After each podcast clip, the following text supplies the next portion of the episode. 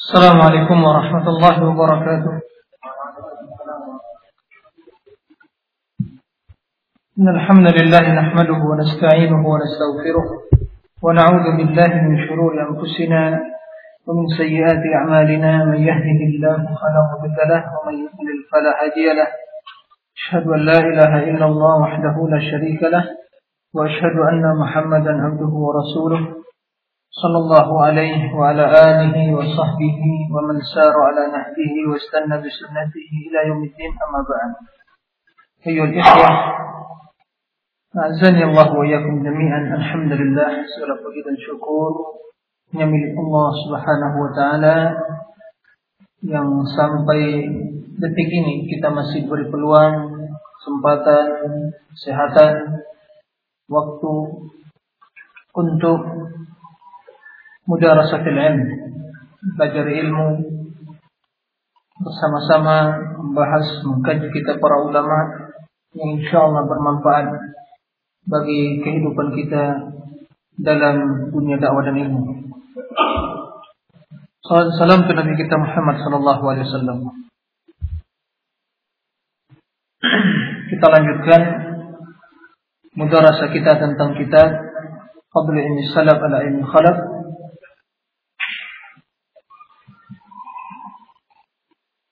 pembahasan yang terakhir yang kita kupas pada teman sebelumnya itu tentang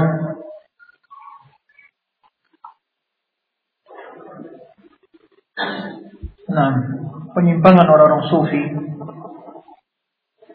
yang meyakini bahwasanya ilmu yang mereka dapatkan lewat mimpi atau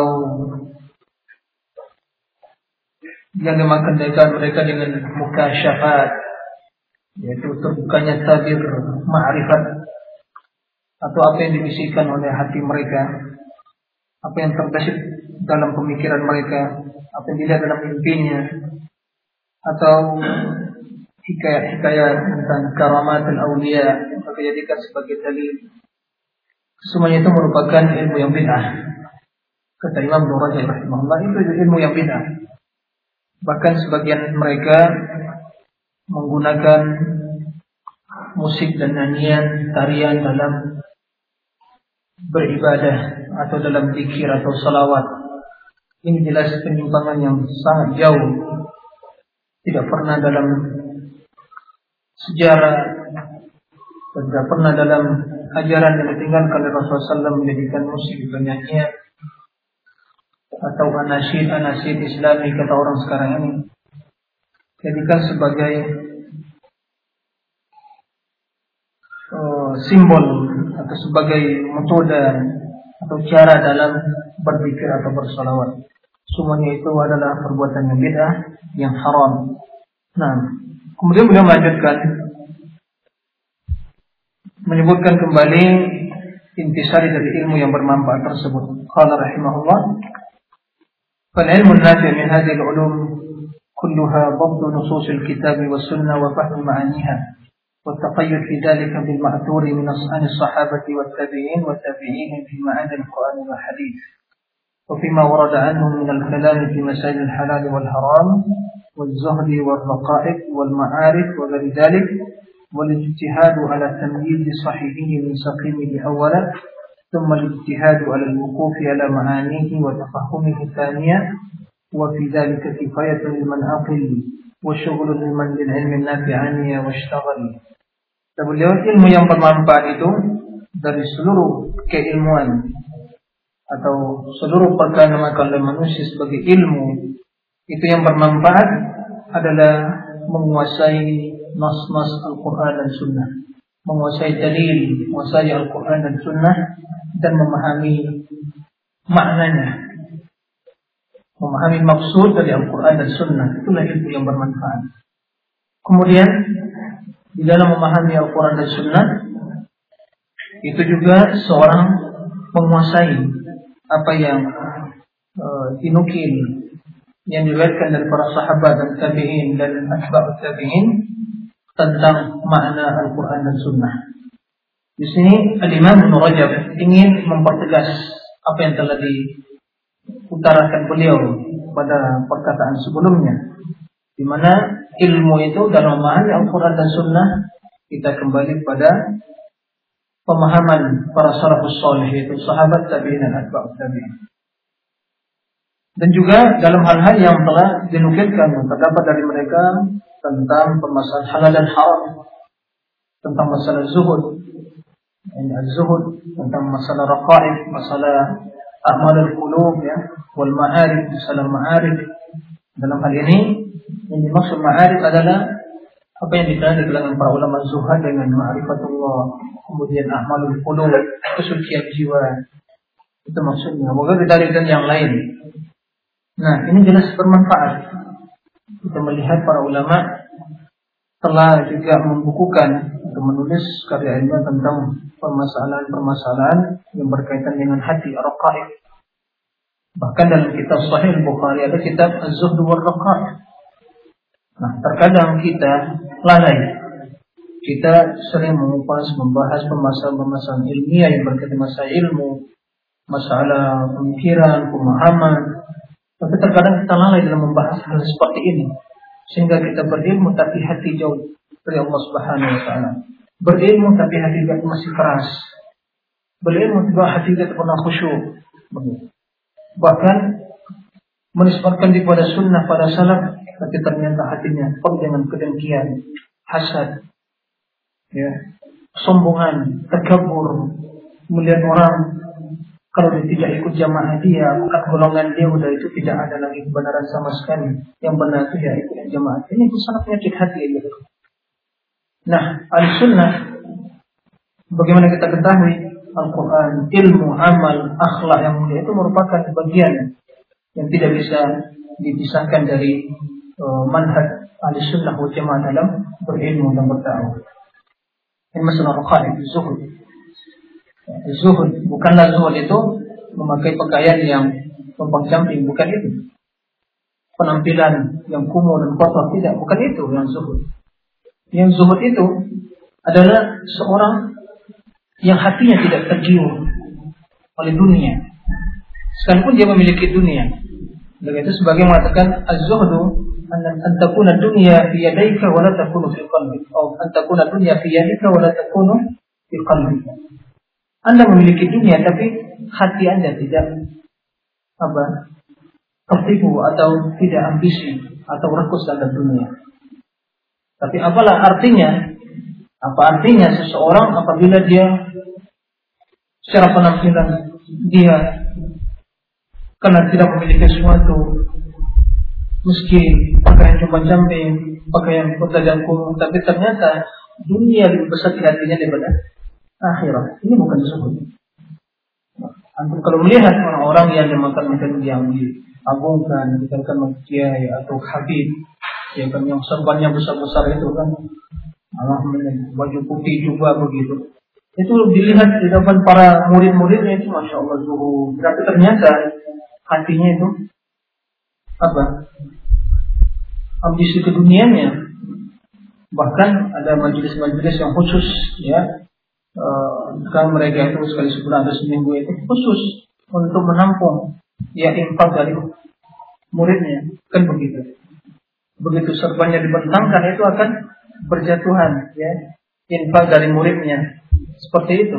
Nah itu banyak terjadi seperti itu. Nah jadi untuk ya kuluna amwal nas bil itu jadi bukan yang zuhud baik. Kemudian wal dan juga bersungguh-sungguh untuk membedakan antara yang sahih dengan yang lemah. Ini yang pertama. Ya setelah kita mengetahui Quran dan Sunnah ya, riwayat-riwayat dari para sahabat dan tabiin kemudian bersungguh-sungguh untuk mengetahui mana yang sahih dari riwayat tersebut mana yang sahih yang baik kemudian juga setelah itu e, berijtihad bersungguh-sungguh untuk mengetahui maknanya dan juga memahami e, mengetahui dan juga mengetahui makna dan maksudnya nah kata Imam Ibnu Rajab jika hal itu telah dilakukan oleh talibul ilm menghabiskan waktunya untuk menggali Al-Quran dan Sunnah, menguasai Al-Quran dan Sunnah, memahami maknanya, bersungguh-sungguh untuk mengetahui mana yang sahih, mana yang baik. Nah, itu telah cukup bagi orang-orang yang punya akal yang sehat, yang menginginkan kebaikan. Itu cukup. Itulah hakikat ilmu.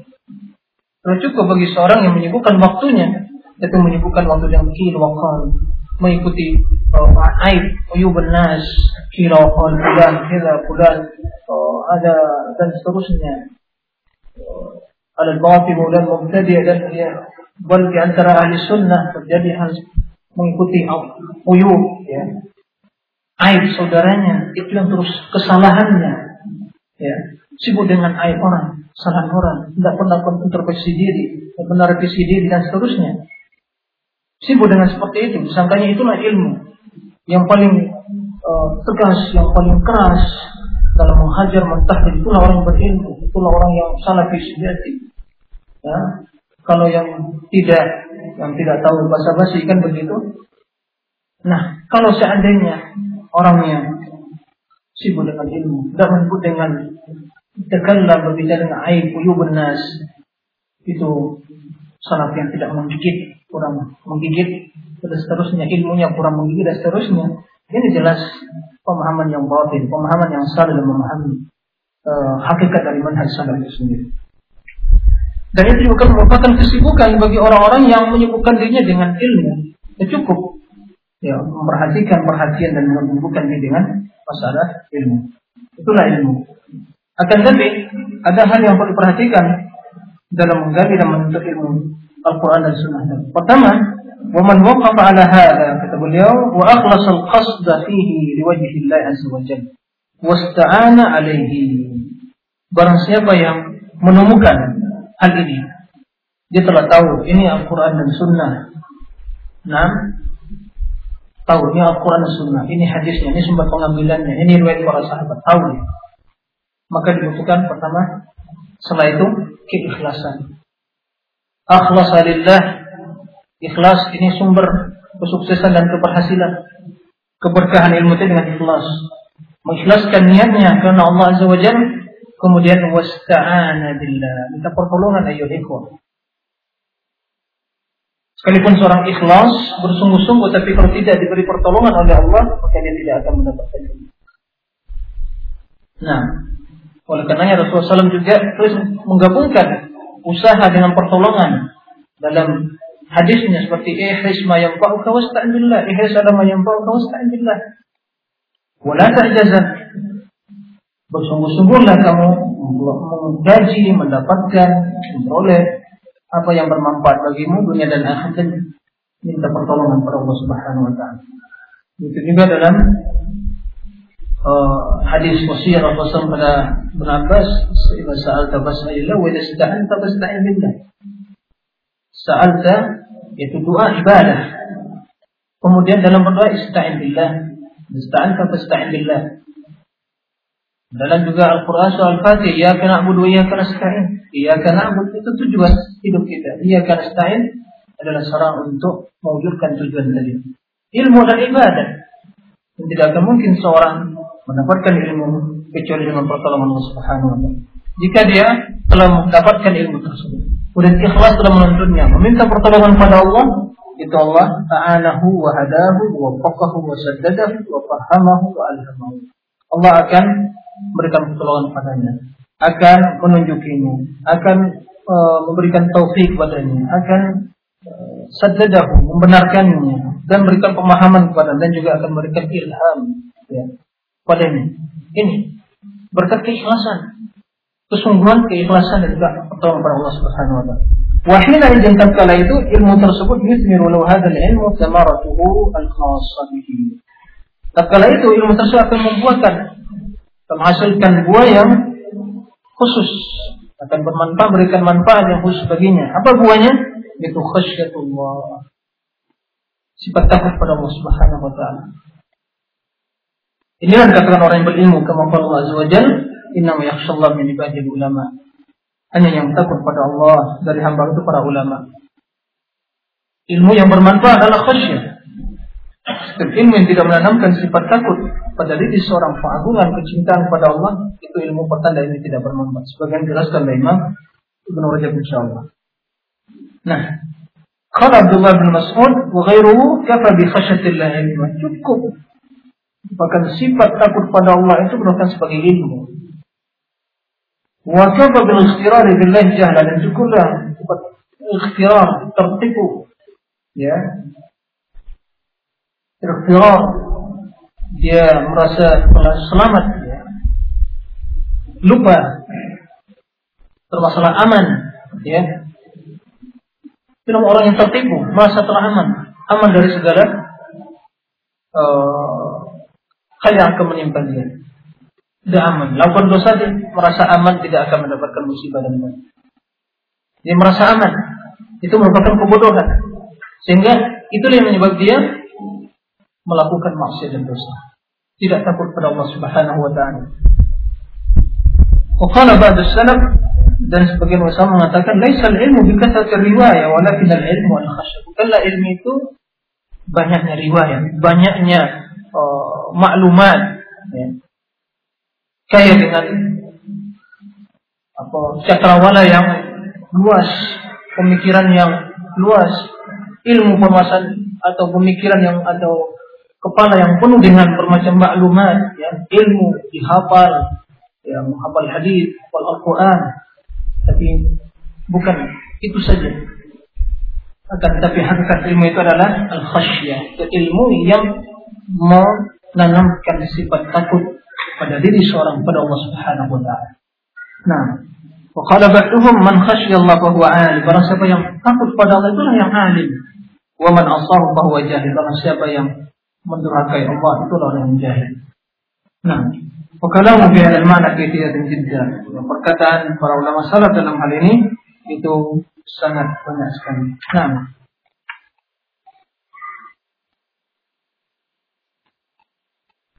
Baik.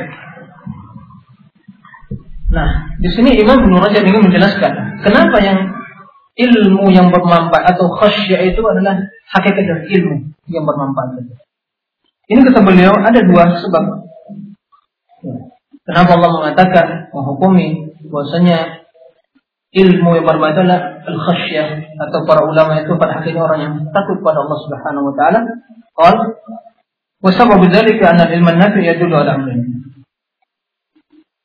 Hal itu disebabkan bahwasanya ilmu yang bermanfaat itu akan menunjukkan pada dua perkara, menjelaskan dua perkara. Yang pertama, ahadiha ahadihima على معرفة الله وما يستحق من الأسماء الحسنى والصفات العلى والأفعال الباهرة وذلك يستلزم إجلاله وإعظامه وخشيته ومحبته ومحبته ورجاءه والتوكل عليه والرضا بقضائه والصبر على بلائه Karena ilmu yang bermanfaat itu akan menjelaskan, akan menggembleng seseorang, akan membawa seorang untuk mengenal Allah.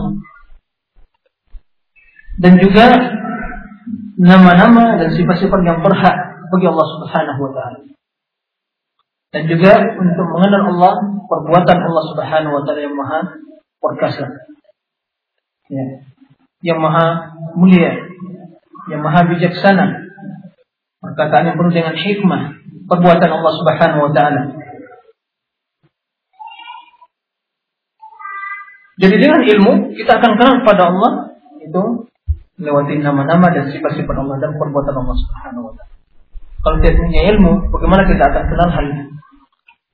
Wadhalika yastalzimu dan yang demikian itu melazimkan apa? Ijlalahu, pengagungan kepada Allah. Wa idhamahu dan membesarkan Allah. Wa khasyatahu dan takut pada Allah. Wa mahabatahu. Dan mahabah itu sifat takut, pengagungan.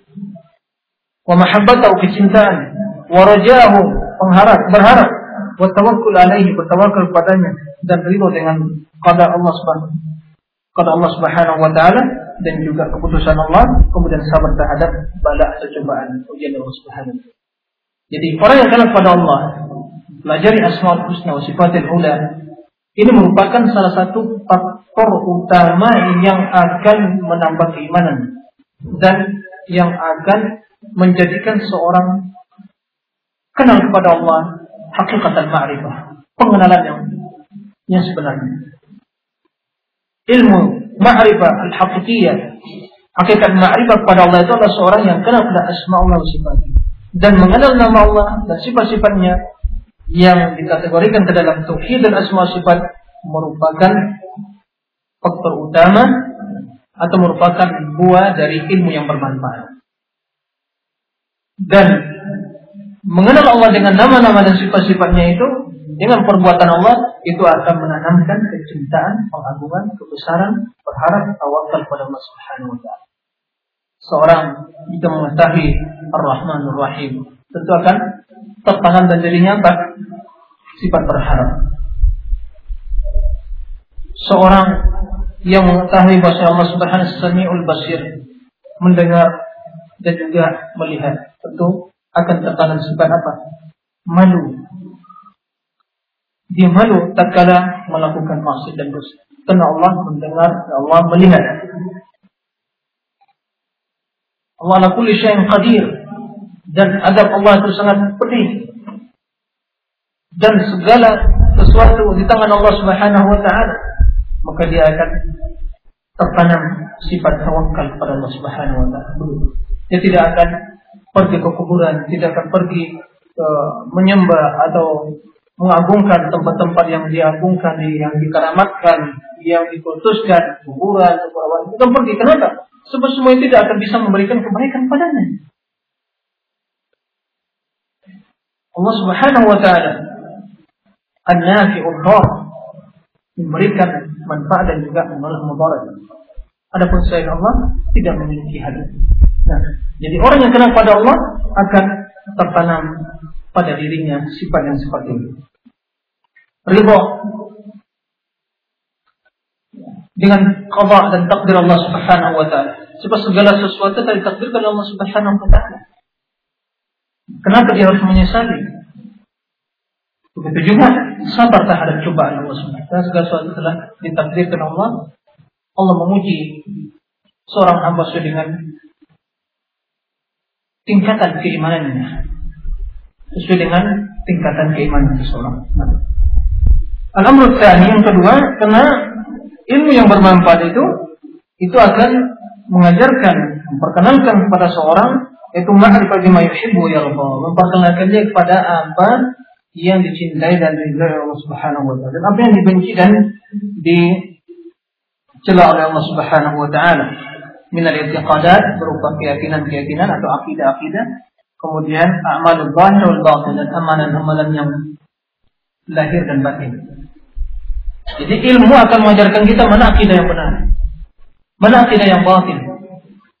Kita tinggalkan mana akidah yang benar keyakinan pada Allah keyakinan pada Rasulnya dan pada seluruh akidah prinsip agama yang mulia.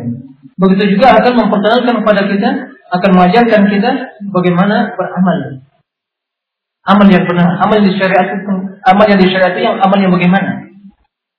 Amal soleh yang diterima oleh itu amal yang bagaimana? Apa persyaratannya? Apa rukunnya? Apa syarat-syaratnya? Itu dengan apa? Dengan ilmu, ilmu yang bermanfaat. Maka seorang yang tidak memiliki ilmu Al-Quran maka dia tidak akan tahu cara beribadah yang benar pada Allah Subhanahu wa taala. Tidak akan mengenal hukum yang terdapat dalam Al-Quran dan Sunnah. Wal aqwal dan juga perkataan yang baik. Dengan ilmu kita bisa membedakan mana perkataan yang baik dan mana perkataan yang tidak baik.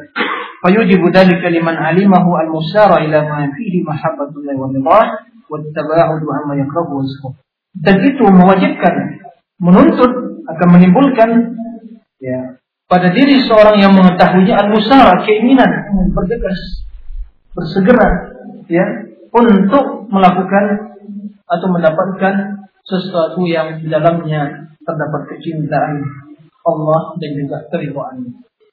Jika seorang mengetahui hukum-hukum agama yang dicintai dan dibenci oleh Allah, yang dicintai sehingga dia termotivasi untuk melakukan apa yang dicintai Allah Subhanahu wa taala dan meninggalkan apa yang dibenci Allah. Wattaba'ud amma yakrahu iskhatuhu dan meninggalkan menjauhkan diri dari apa yang dicela dan dibenci oleh Allah Subhanahu wa taala. Baik, apabila ilmu ini fa idza asmara hadha asmara al-ilmu li sahibi hadha fa huwa nafi.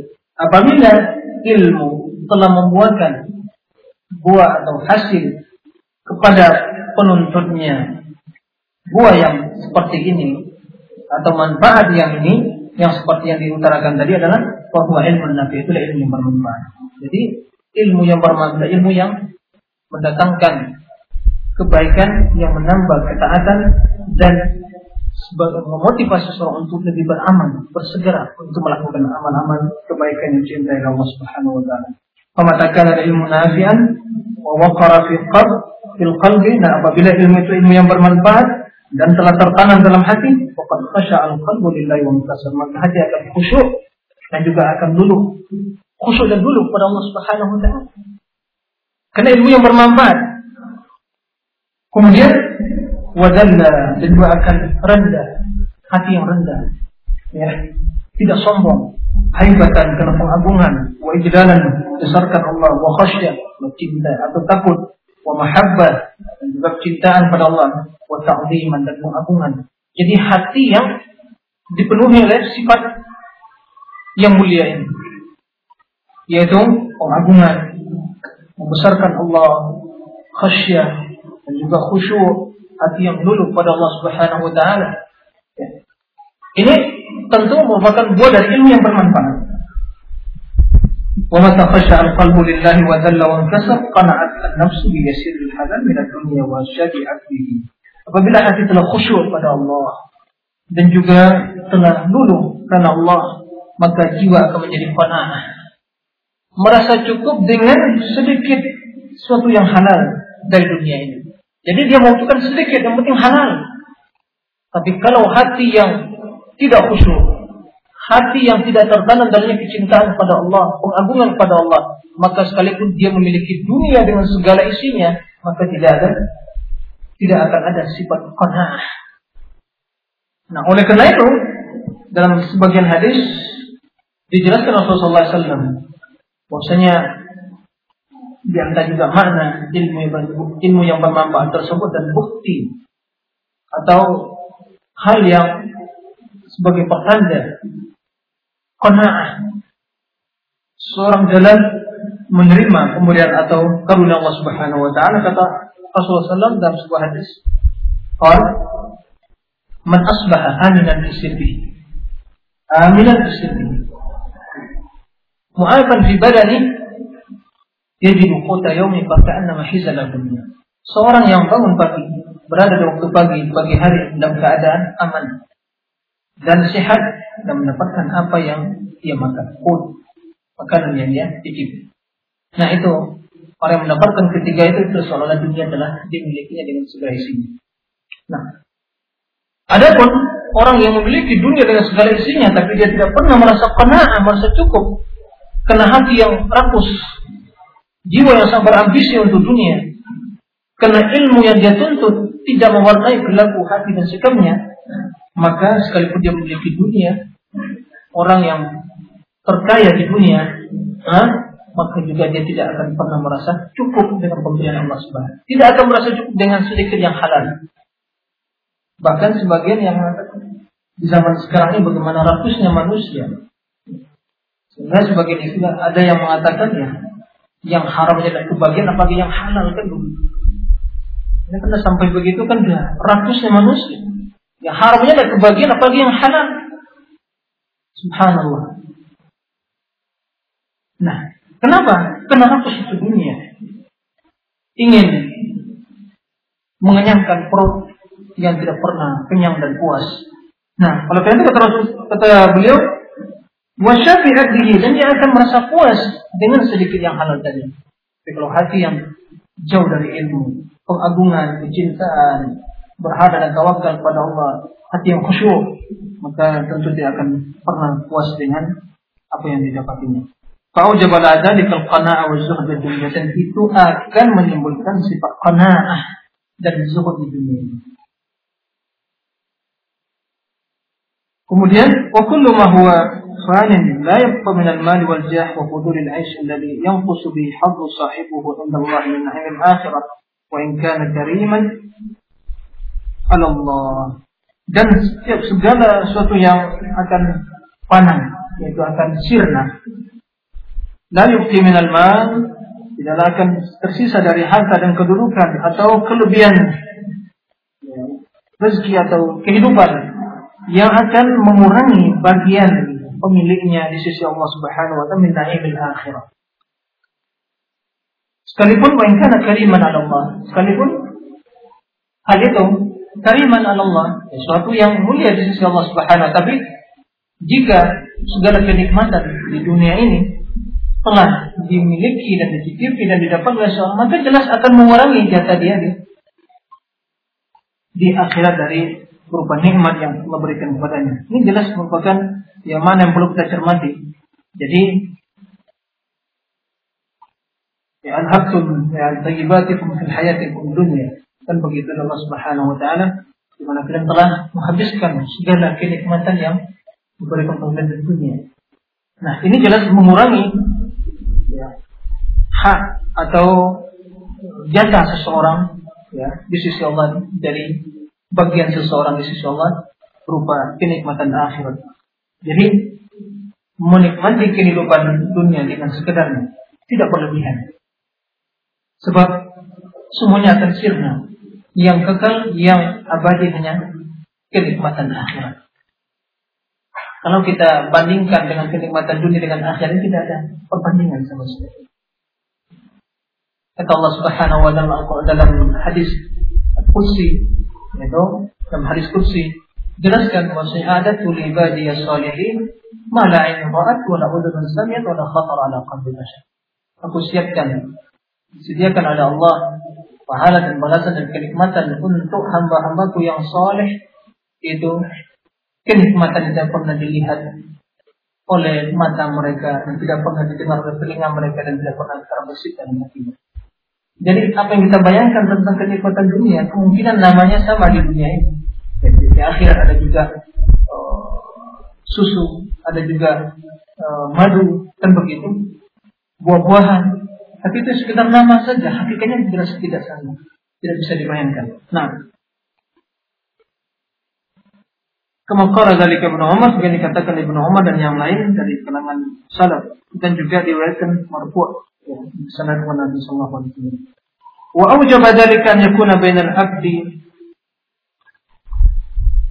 wa bain rabbih ma'rifatul khas dan yang demikian itu akan menanamkan atau menimbulkan menumbuhkan apa? Itu ma'rifah khas, ma'rifah yang lebih khusus yang khusus antara seorang hamba dengan Rabbnya.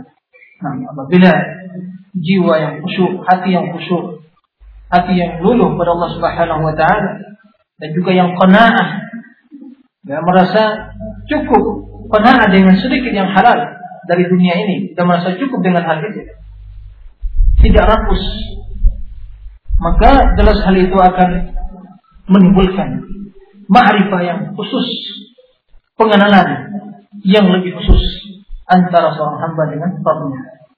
Fa'in sa'alahum jika antara seorang hamba dengan Allah telah terjadi ma'rifah khasah, ma'rifah yang khusus, maka apabila seorang hamba meminta, memohon, maka Allah akan beri, akan kabulkan. Apabila dia berdoa akan dikabulkan oleh Allah. Dia meminta akan diberi oleh Allah Subhanahu wa taala sebagaimana hadis kursi, hadis uh, wilayah ya sebagaimana dijelaskan dalam hadis wali dalam hadis wali. Di antara lafaz hadis tersebut yaitu wala yazadu 'abdi yataqarrabu ilayya bin nawafil hatta uhibba. Dan senantiasa seorang hamba atau hambaku mendekatkan diri padaku dengan melakukan amalan-amalan yang sunat nawafil nafilah sehingga aku mencintai dia hadis sebelumnya ya lafaz sebelumnya mata qarraba ilayya 'abdi bi syai'in ahabba ilayya mimma faratuhu alayhi Waman ada li waliin faqad adantu bil harb. Barang siapa yang menci para wali-wali, waliku kata Allah, maka telah aku izinkan untuk perang dengannya. Siapa yang akan melawan ya, merangi Allah dan Rasulnya. Jelas dia akan binasa. Kemudian wa ma taqarraba ilayya 'abdi bi syai'in ahabba ilayya mimma taraktuhu alayhi dan tidaklah seorang hamba mendekatkan diri padaku dengan suami yang aku cintai daripada apa? amalan-amalan yang wajib. Ini yang pertama. Kemudian untuk menambah kedudukan kita kecintaan di sisi Allah, maka melakukan amal sunat. Wala yazalu abdi yataqarrabu ilayya bin nawafil hatta Senantiasa hambaku mendekatkan diri kepadaku dengan melakukan amalan-amalan sunat, amalan-amalan nawafil, nafilah sehingga aku mencintainya. Ini pertanda dalil yang menjelaskan bahwa di antara faktor yang menyebabkan kecintaan kepada Allah atau cinta Allah kepada seorang hamba adalah melakukan amalan-amalan sunat setelah amalan-amalan yang wajib. Kemudian jika Allah telah mencintainya, maka dalam hadis tersebut apabila ahbabtu kuntu sam'ahu alladhi yasma'u bi. Apabila aku telah mencintai maka akulah pendengaran atau uh, penglihatan yang penglihatannya yang melihat. Kan begitu. Dan akulah pendengarannya yang mendengar dan akulah tangannya yang uh, memegang dan juga akulah kakinya yang berjalan. Apa maksudnya? Maksudnya bukan Allah itu menyatu dengan makhluk, bukan itu maksudnya. Kalau orang-orang wujud mengatakan ini dalilnya bahwa Allah itu menyatu dengan kita. Akulah pendengarannya, akulah penglihatannya, akulah tangannya, akulah bukan itu maksudnya. Maksudnya adalah Allah membimbing seorang hamba, membimbing pendengarannya, membimbing tangannya, membimbing kakinya, membimbing apa? Uh, penglihatannya sehingga dia melihat yang baik, mendengar yang baik, mengambil yang baik, kemudian melangkah pada yang baik. Itu maksudnya. Kemudian jika hal itu telah terjadi, Allah berikan keistimewaan padanya dengan bimbingan Allah Subhanahu wa taufik wa tasdiduhu itu apabila dia meminta kepada aku akan kuberi kata Allah. Wala in sa'alani la jika ia meminta kepada aku akan kuberi. Wala in ista'adani la jika dia berselindung denganku maka akan aku pelihara. Seperti itu. Nah ini Kapan itu didapatkan apabila hati menjadi hati yang khusyuk, hati yang cinta kepada Allah, yang taat kepada Allah, menjadi wali Allah. Wa riwayat yang wala in da'ani la ujibanna. Jika dia berdoa kepada aku maka aku kabulkan. Wa fi wasiyat Ibnu Abbas dalam wasiat kepada Ibnu Abbas, ihfazillah yahfaz, ihfazillah tajidhu tujahak. Atau tajidhu amamak, ta'arraf ila Allah bil raha ya'rifka fi syiddah. Peliharalah Allah, maka Allah akan memeliharamu. Apa maksud memelihara Allah Subhanahu wa taala? Maksudnya adalah kita menjaga rambu-rambu syariat, rambu-rambu agama dan tidak keluar dari rel-rel yang telah ditentukan oleh Allah. Itu menjaga Allah Subhanahu wa taala, menjaga agamanya, menjaga syariat, hukum-hukum, melaksanakannya, menunaikannya. Itu ihfadillah. Maka balasannya apa? Ya, yahfadu atau yahfadka. Allah akan memelihara kita, membimbing kita, memelihara, menyelamatkan seseorang.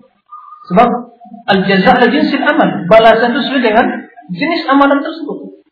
Hal hal hal hal, hal jazaul ihsan ila ihsan. Bukankah kebaikan itu dibalaskan kebaikan? Nah, jadi ini menurut keadaan Allah Subhanahu wa taala tidak menzalimi hambanya tatkala hambanya memelihara hukum-hukumnya taat pada Allah maka Allah akan pelihara dia. Ihfadillah tajidhu amamak. Peliharalah Allah, maka Anda akan mendapatkannya di hadapan Anda. Apa maksudnya?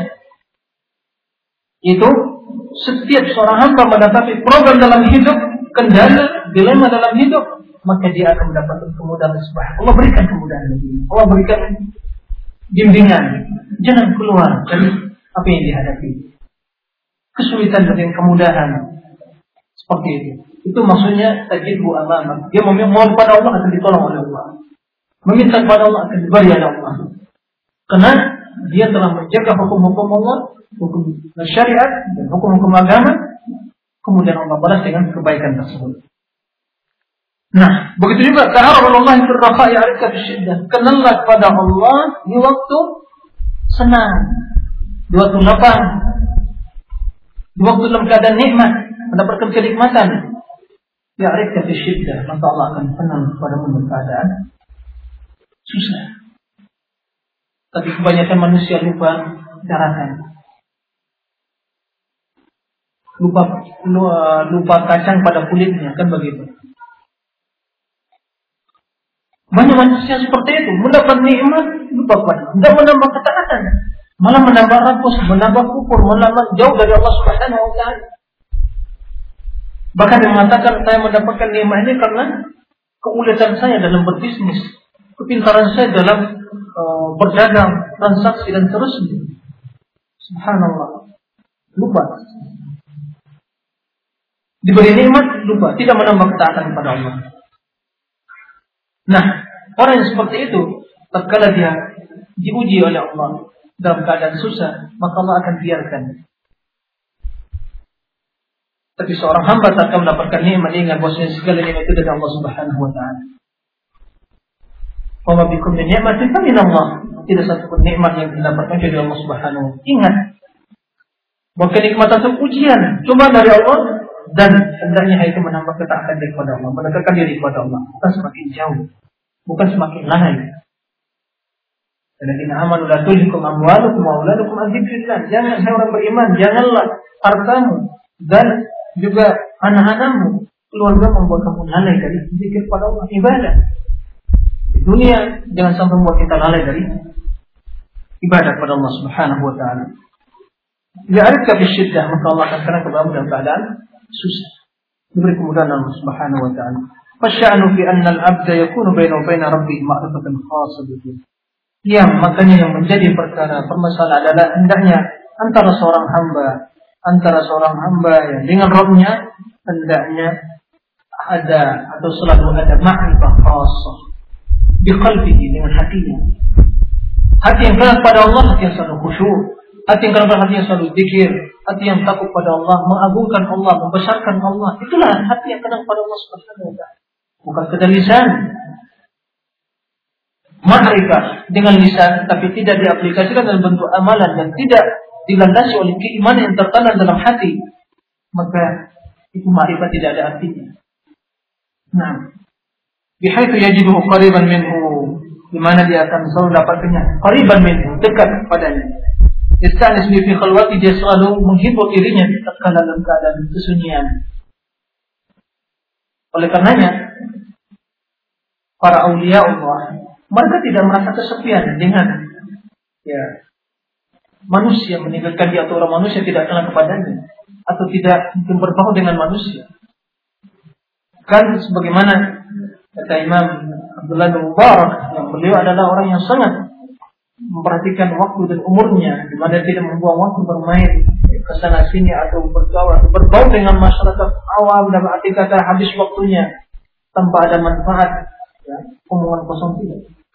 Dia hanya rumah masjid, rumah ke masjid, dan begitu. Ditanya, apakah kamu ya imam tidak merasa kesepian dengan cara yang seperti ini? Jawabannya sangat simpel sekali. Bagaimana saya akan merasakan kesepian sementara saya selalu ya, mentadabur Al-Quran hidup bersama Rasul dan para sahabat. Habis waktunya baca Al-Quran, merenung ayat Allah, membaca hadis itu membaca sejarah para sahabat. Bukankah seorang tak membaca Al-Quran, membaca hadis dia hidup bersama Rasulullah, membaca perkataan Rasulullah dan para sahabatnya. Inilah sahabat yang menghibur diri seorang dalam kesepian. Seperti itu. Dia seolah kita hidup puluhan abad, belasan abad yang silam. Kenapa? Sebab sekalipun mereka telah meninggal, tapi seolah kita hidup bersama mereka. Kenapa? Kita baca bagaimana riwayat hidupnya. Bagaimana Rasulullah SAW cerita melihat dengan yakin beginilah cara hidup Rasulullah SAW. Saya kita ingin berusaha untuk mencontoh dan meneladani. Ini jadi tidak kalau boleh ilmi jangan merasa kesepian. Tatkala baca Al-Quran, baca hadis, pahami perkataan Rasul seperti itu. Nah, kemudian uh, ويجب على حلاوة ذكره ودعائه memunajati wa dia mendapatkan kemanisan ya berzikir kepada Allah berdoa kepada yang bermunajat padanya wala yudzalika ila man ata'ahu fi sirri wala dan itu tidak akan dirasakan oleh kecuali orang yang taat pada Allah dalam keadaan sembunyi dan juga dalam keadaan terang dalam keadaan nampak ya terlihat dalam keadaan tersembunyi dan dalam keadaan uh, di halayak ramai atau di hadapan manusia Kama kila li wahid li wahidin ward bagaimana dikatakan pada wahidin ward yajidu halawat ta'ati man asa apakah seorang yang apakah seorang orang yang durhaka melakukan maksiat dan dosa akan merasakan manisnya ketaatan Qala la, tidak akan mungkin. Wala manham, bahkan jangankan ya orang yang melakukan dosa, orang yang berniat melakukan dosa tidak akan merasakan manis neraka. Wala ham, ham itu ya nawa qasada. Jadi ini menjelaskan kepada kita bagaimana buah dari ilmu yang bermanfaat tersebut yaitu menanamkan kecintaan, pengagungan, eh, ke berharap, tawakal pada Allah dan membesarkan Allah, menghadirkan keagungannya dalam hati seorang sehingga dalam berperilaku, bersikap, berkata, berbuat, melangkah, mengambil, memandang, mendengar semuanya dengan apa? Dia selalu menghadirkan keagungan Allah Subhanahu wa taala. Dia tidak akan berkata kecuali apa yang baik. Dia tidak akan berbuat jadi apa yang baik. Dia tidak akan mengucapkan apa yang halal. Dia tidak akan menangkap pada tempat yang baik. Seperti itu. Dan tidak akan niat hatinya untuk melakukan maksiat dan dosa. Sebab dia tidak akan merasakan manisnya iman dan ketaatan dalam dirinya. Kota iman yang dimuliakan Allah Subhanahu Wa Taala. Mudah-mudahan apa yang disampaikan tadi bermanfaat bagi kita semua. Waktu yang membatasi.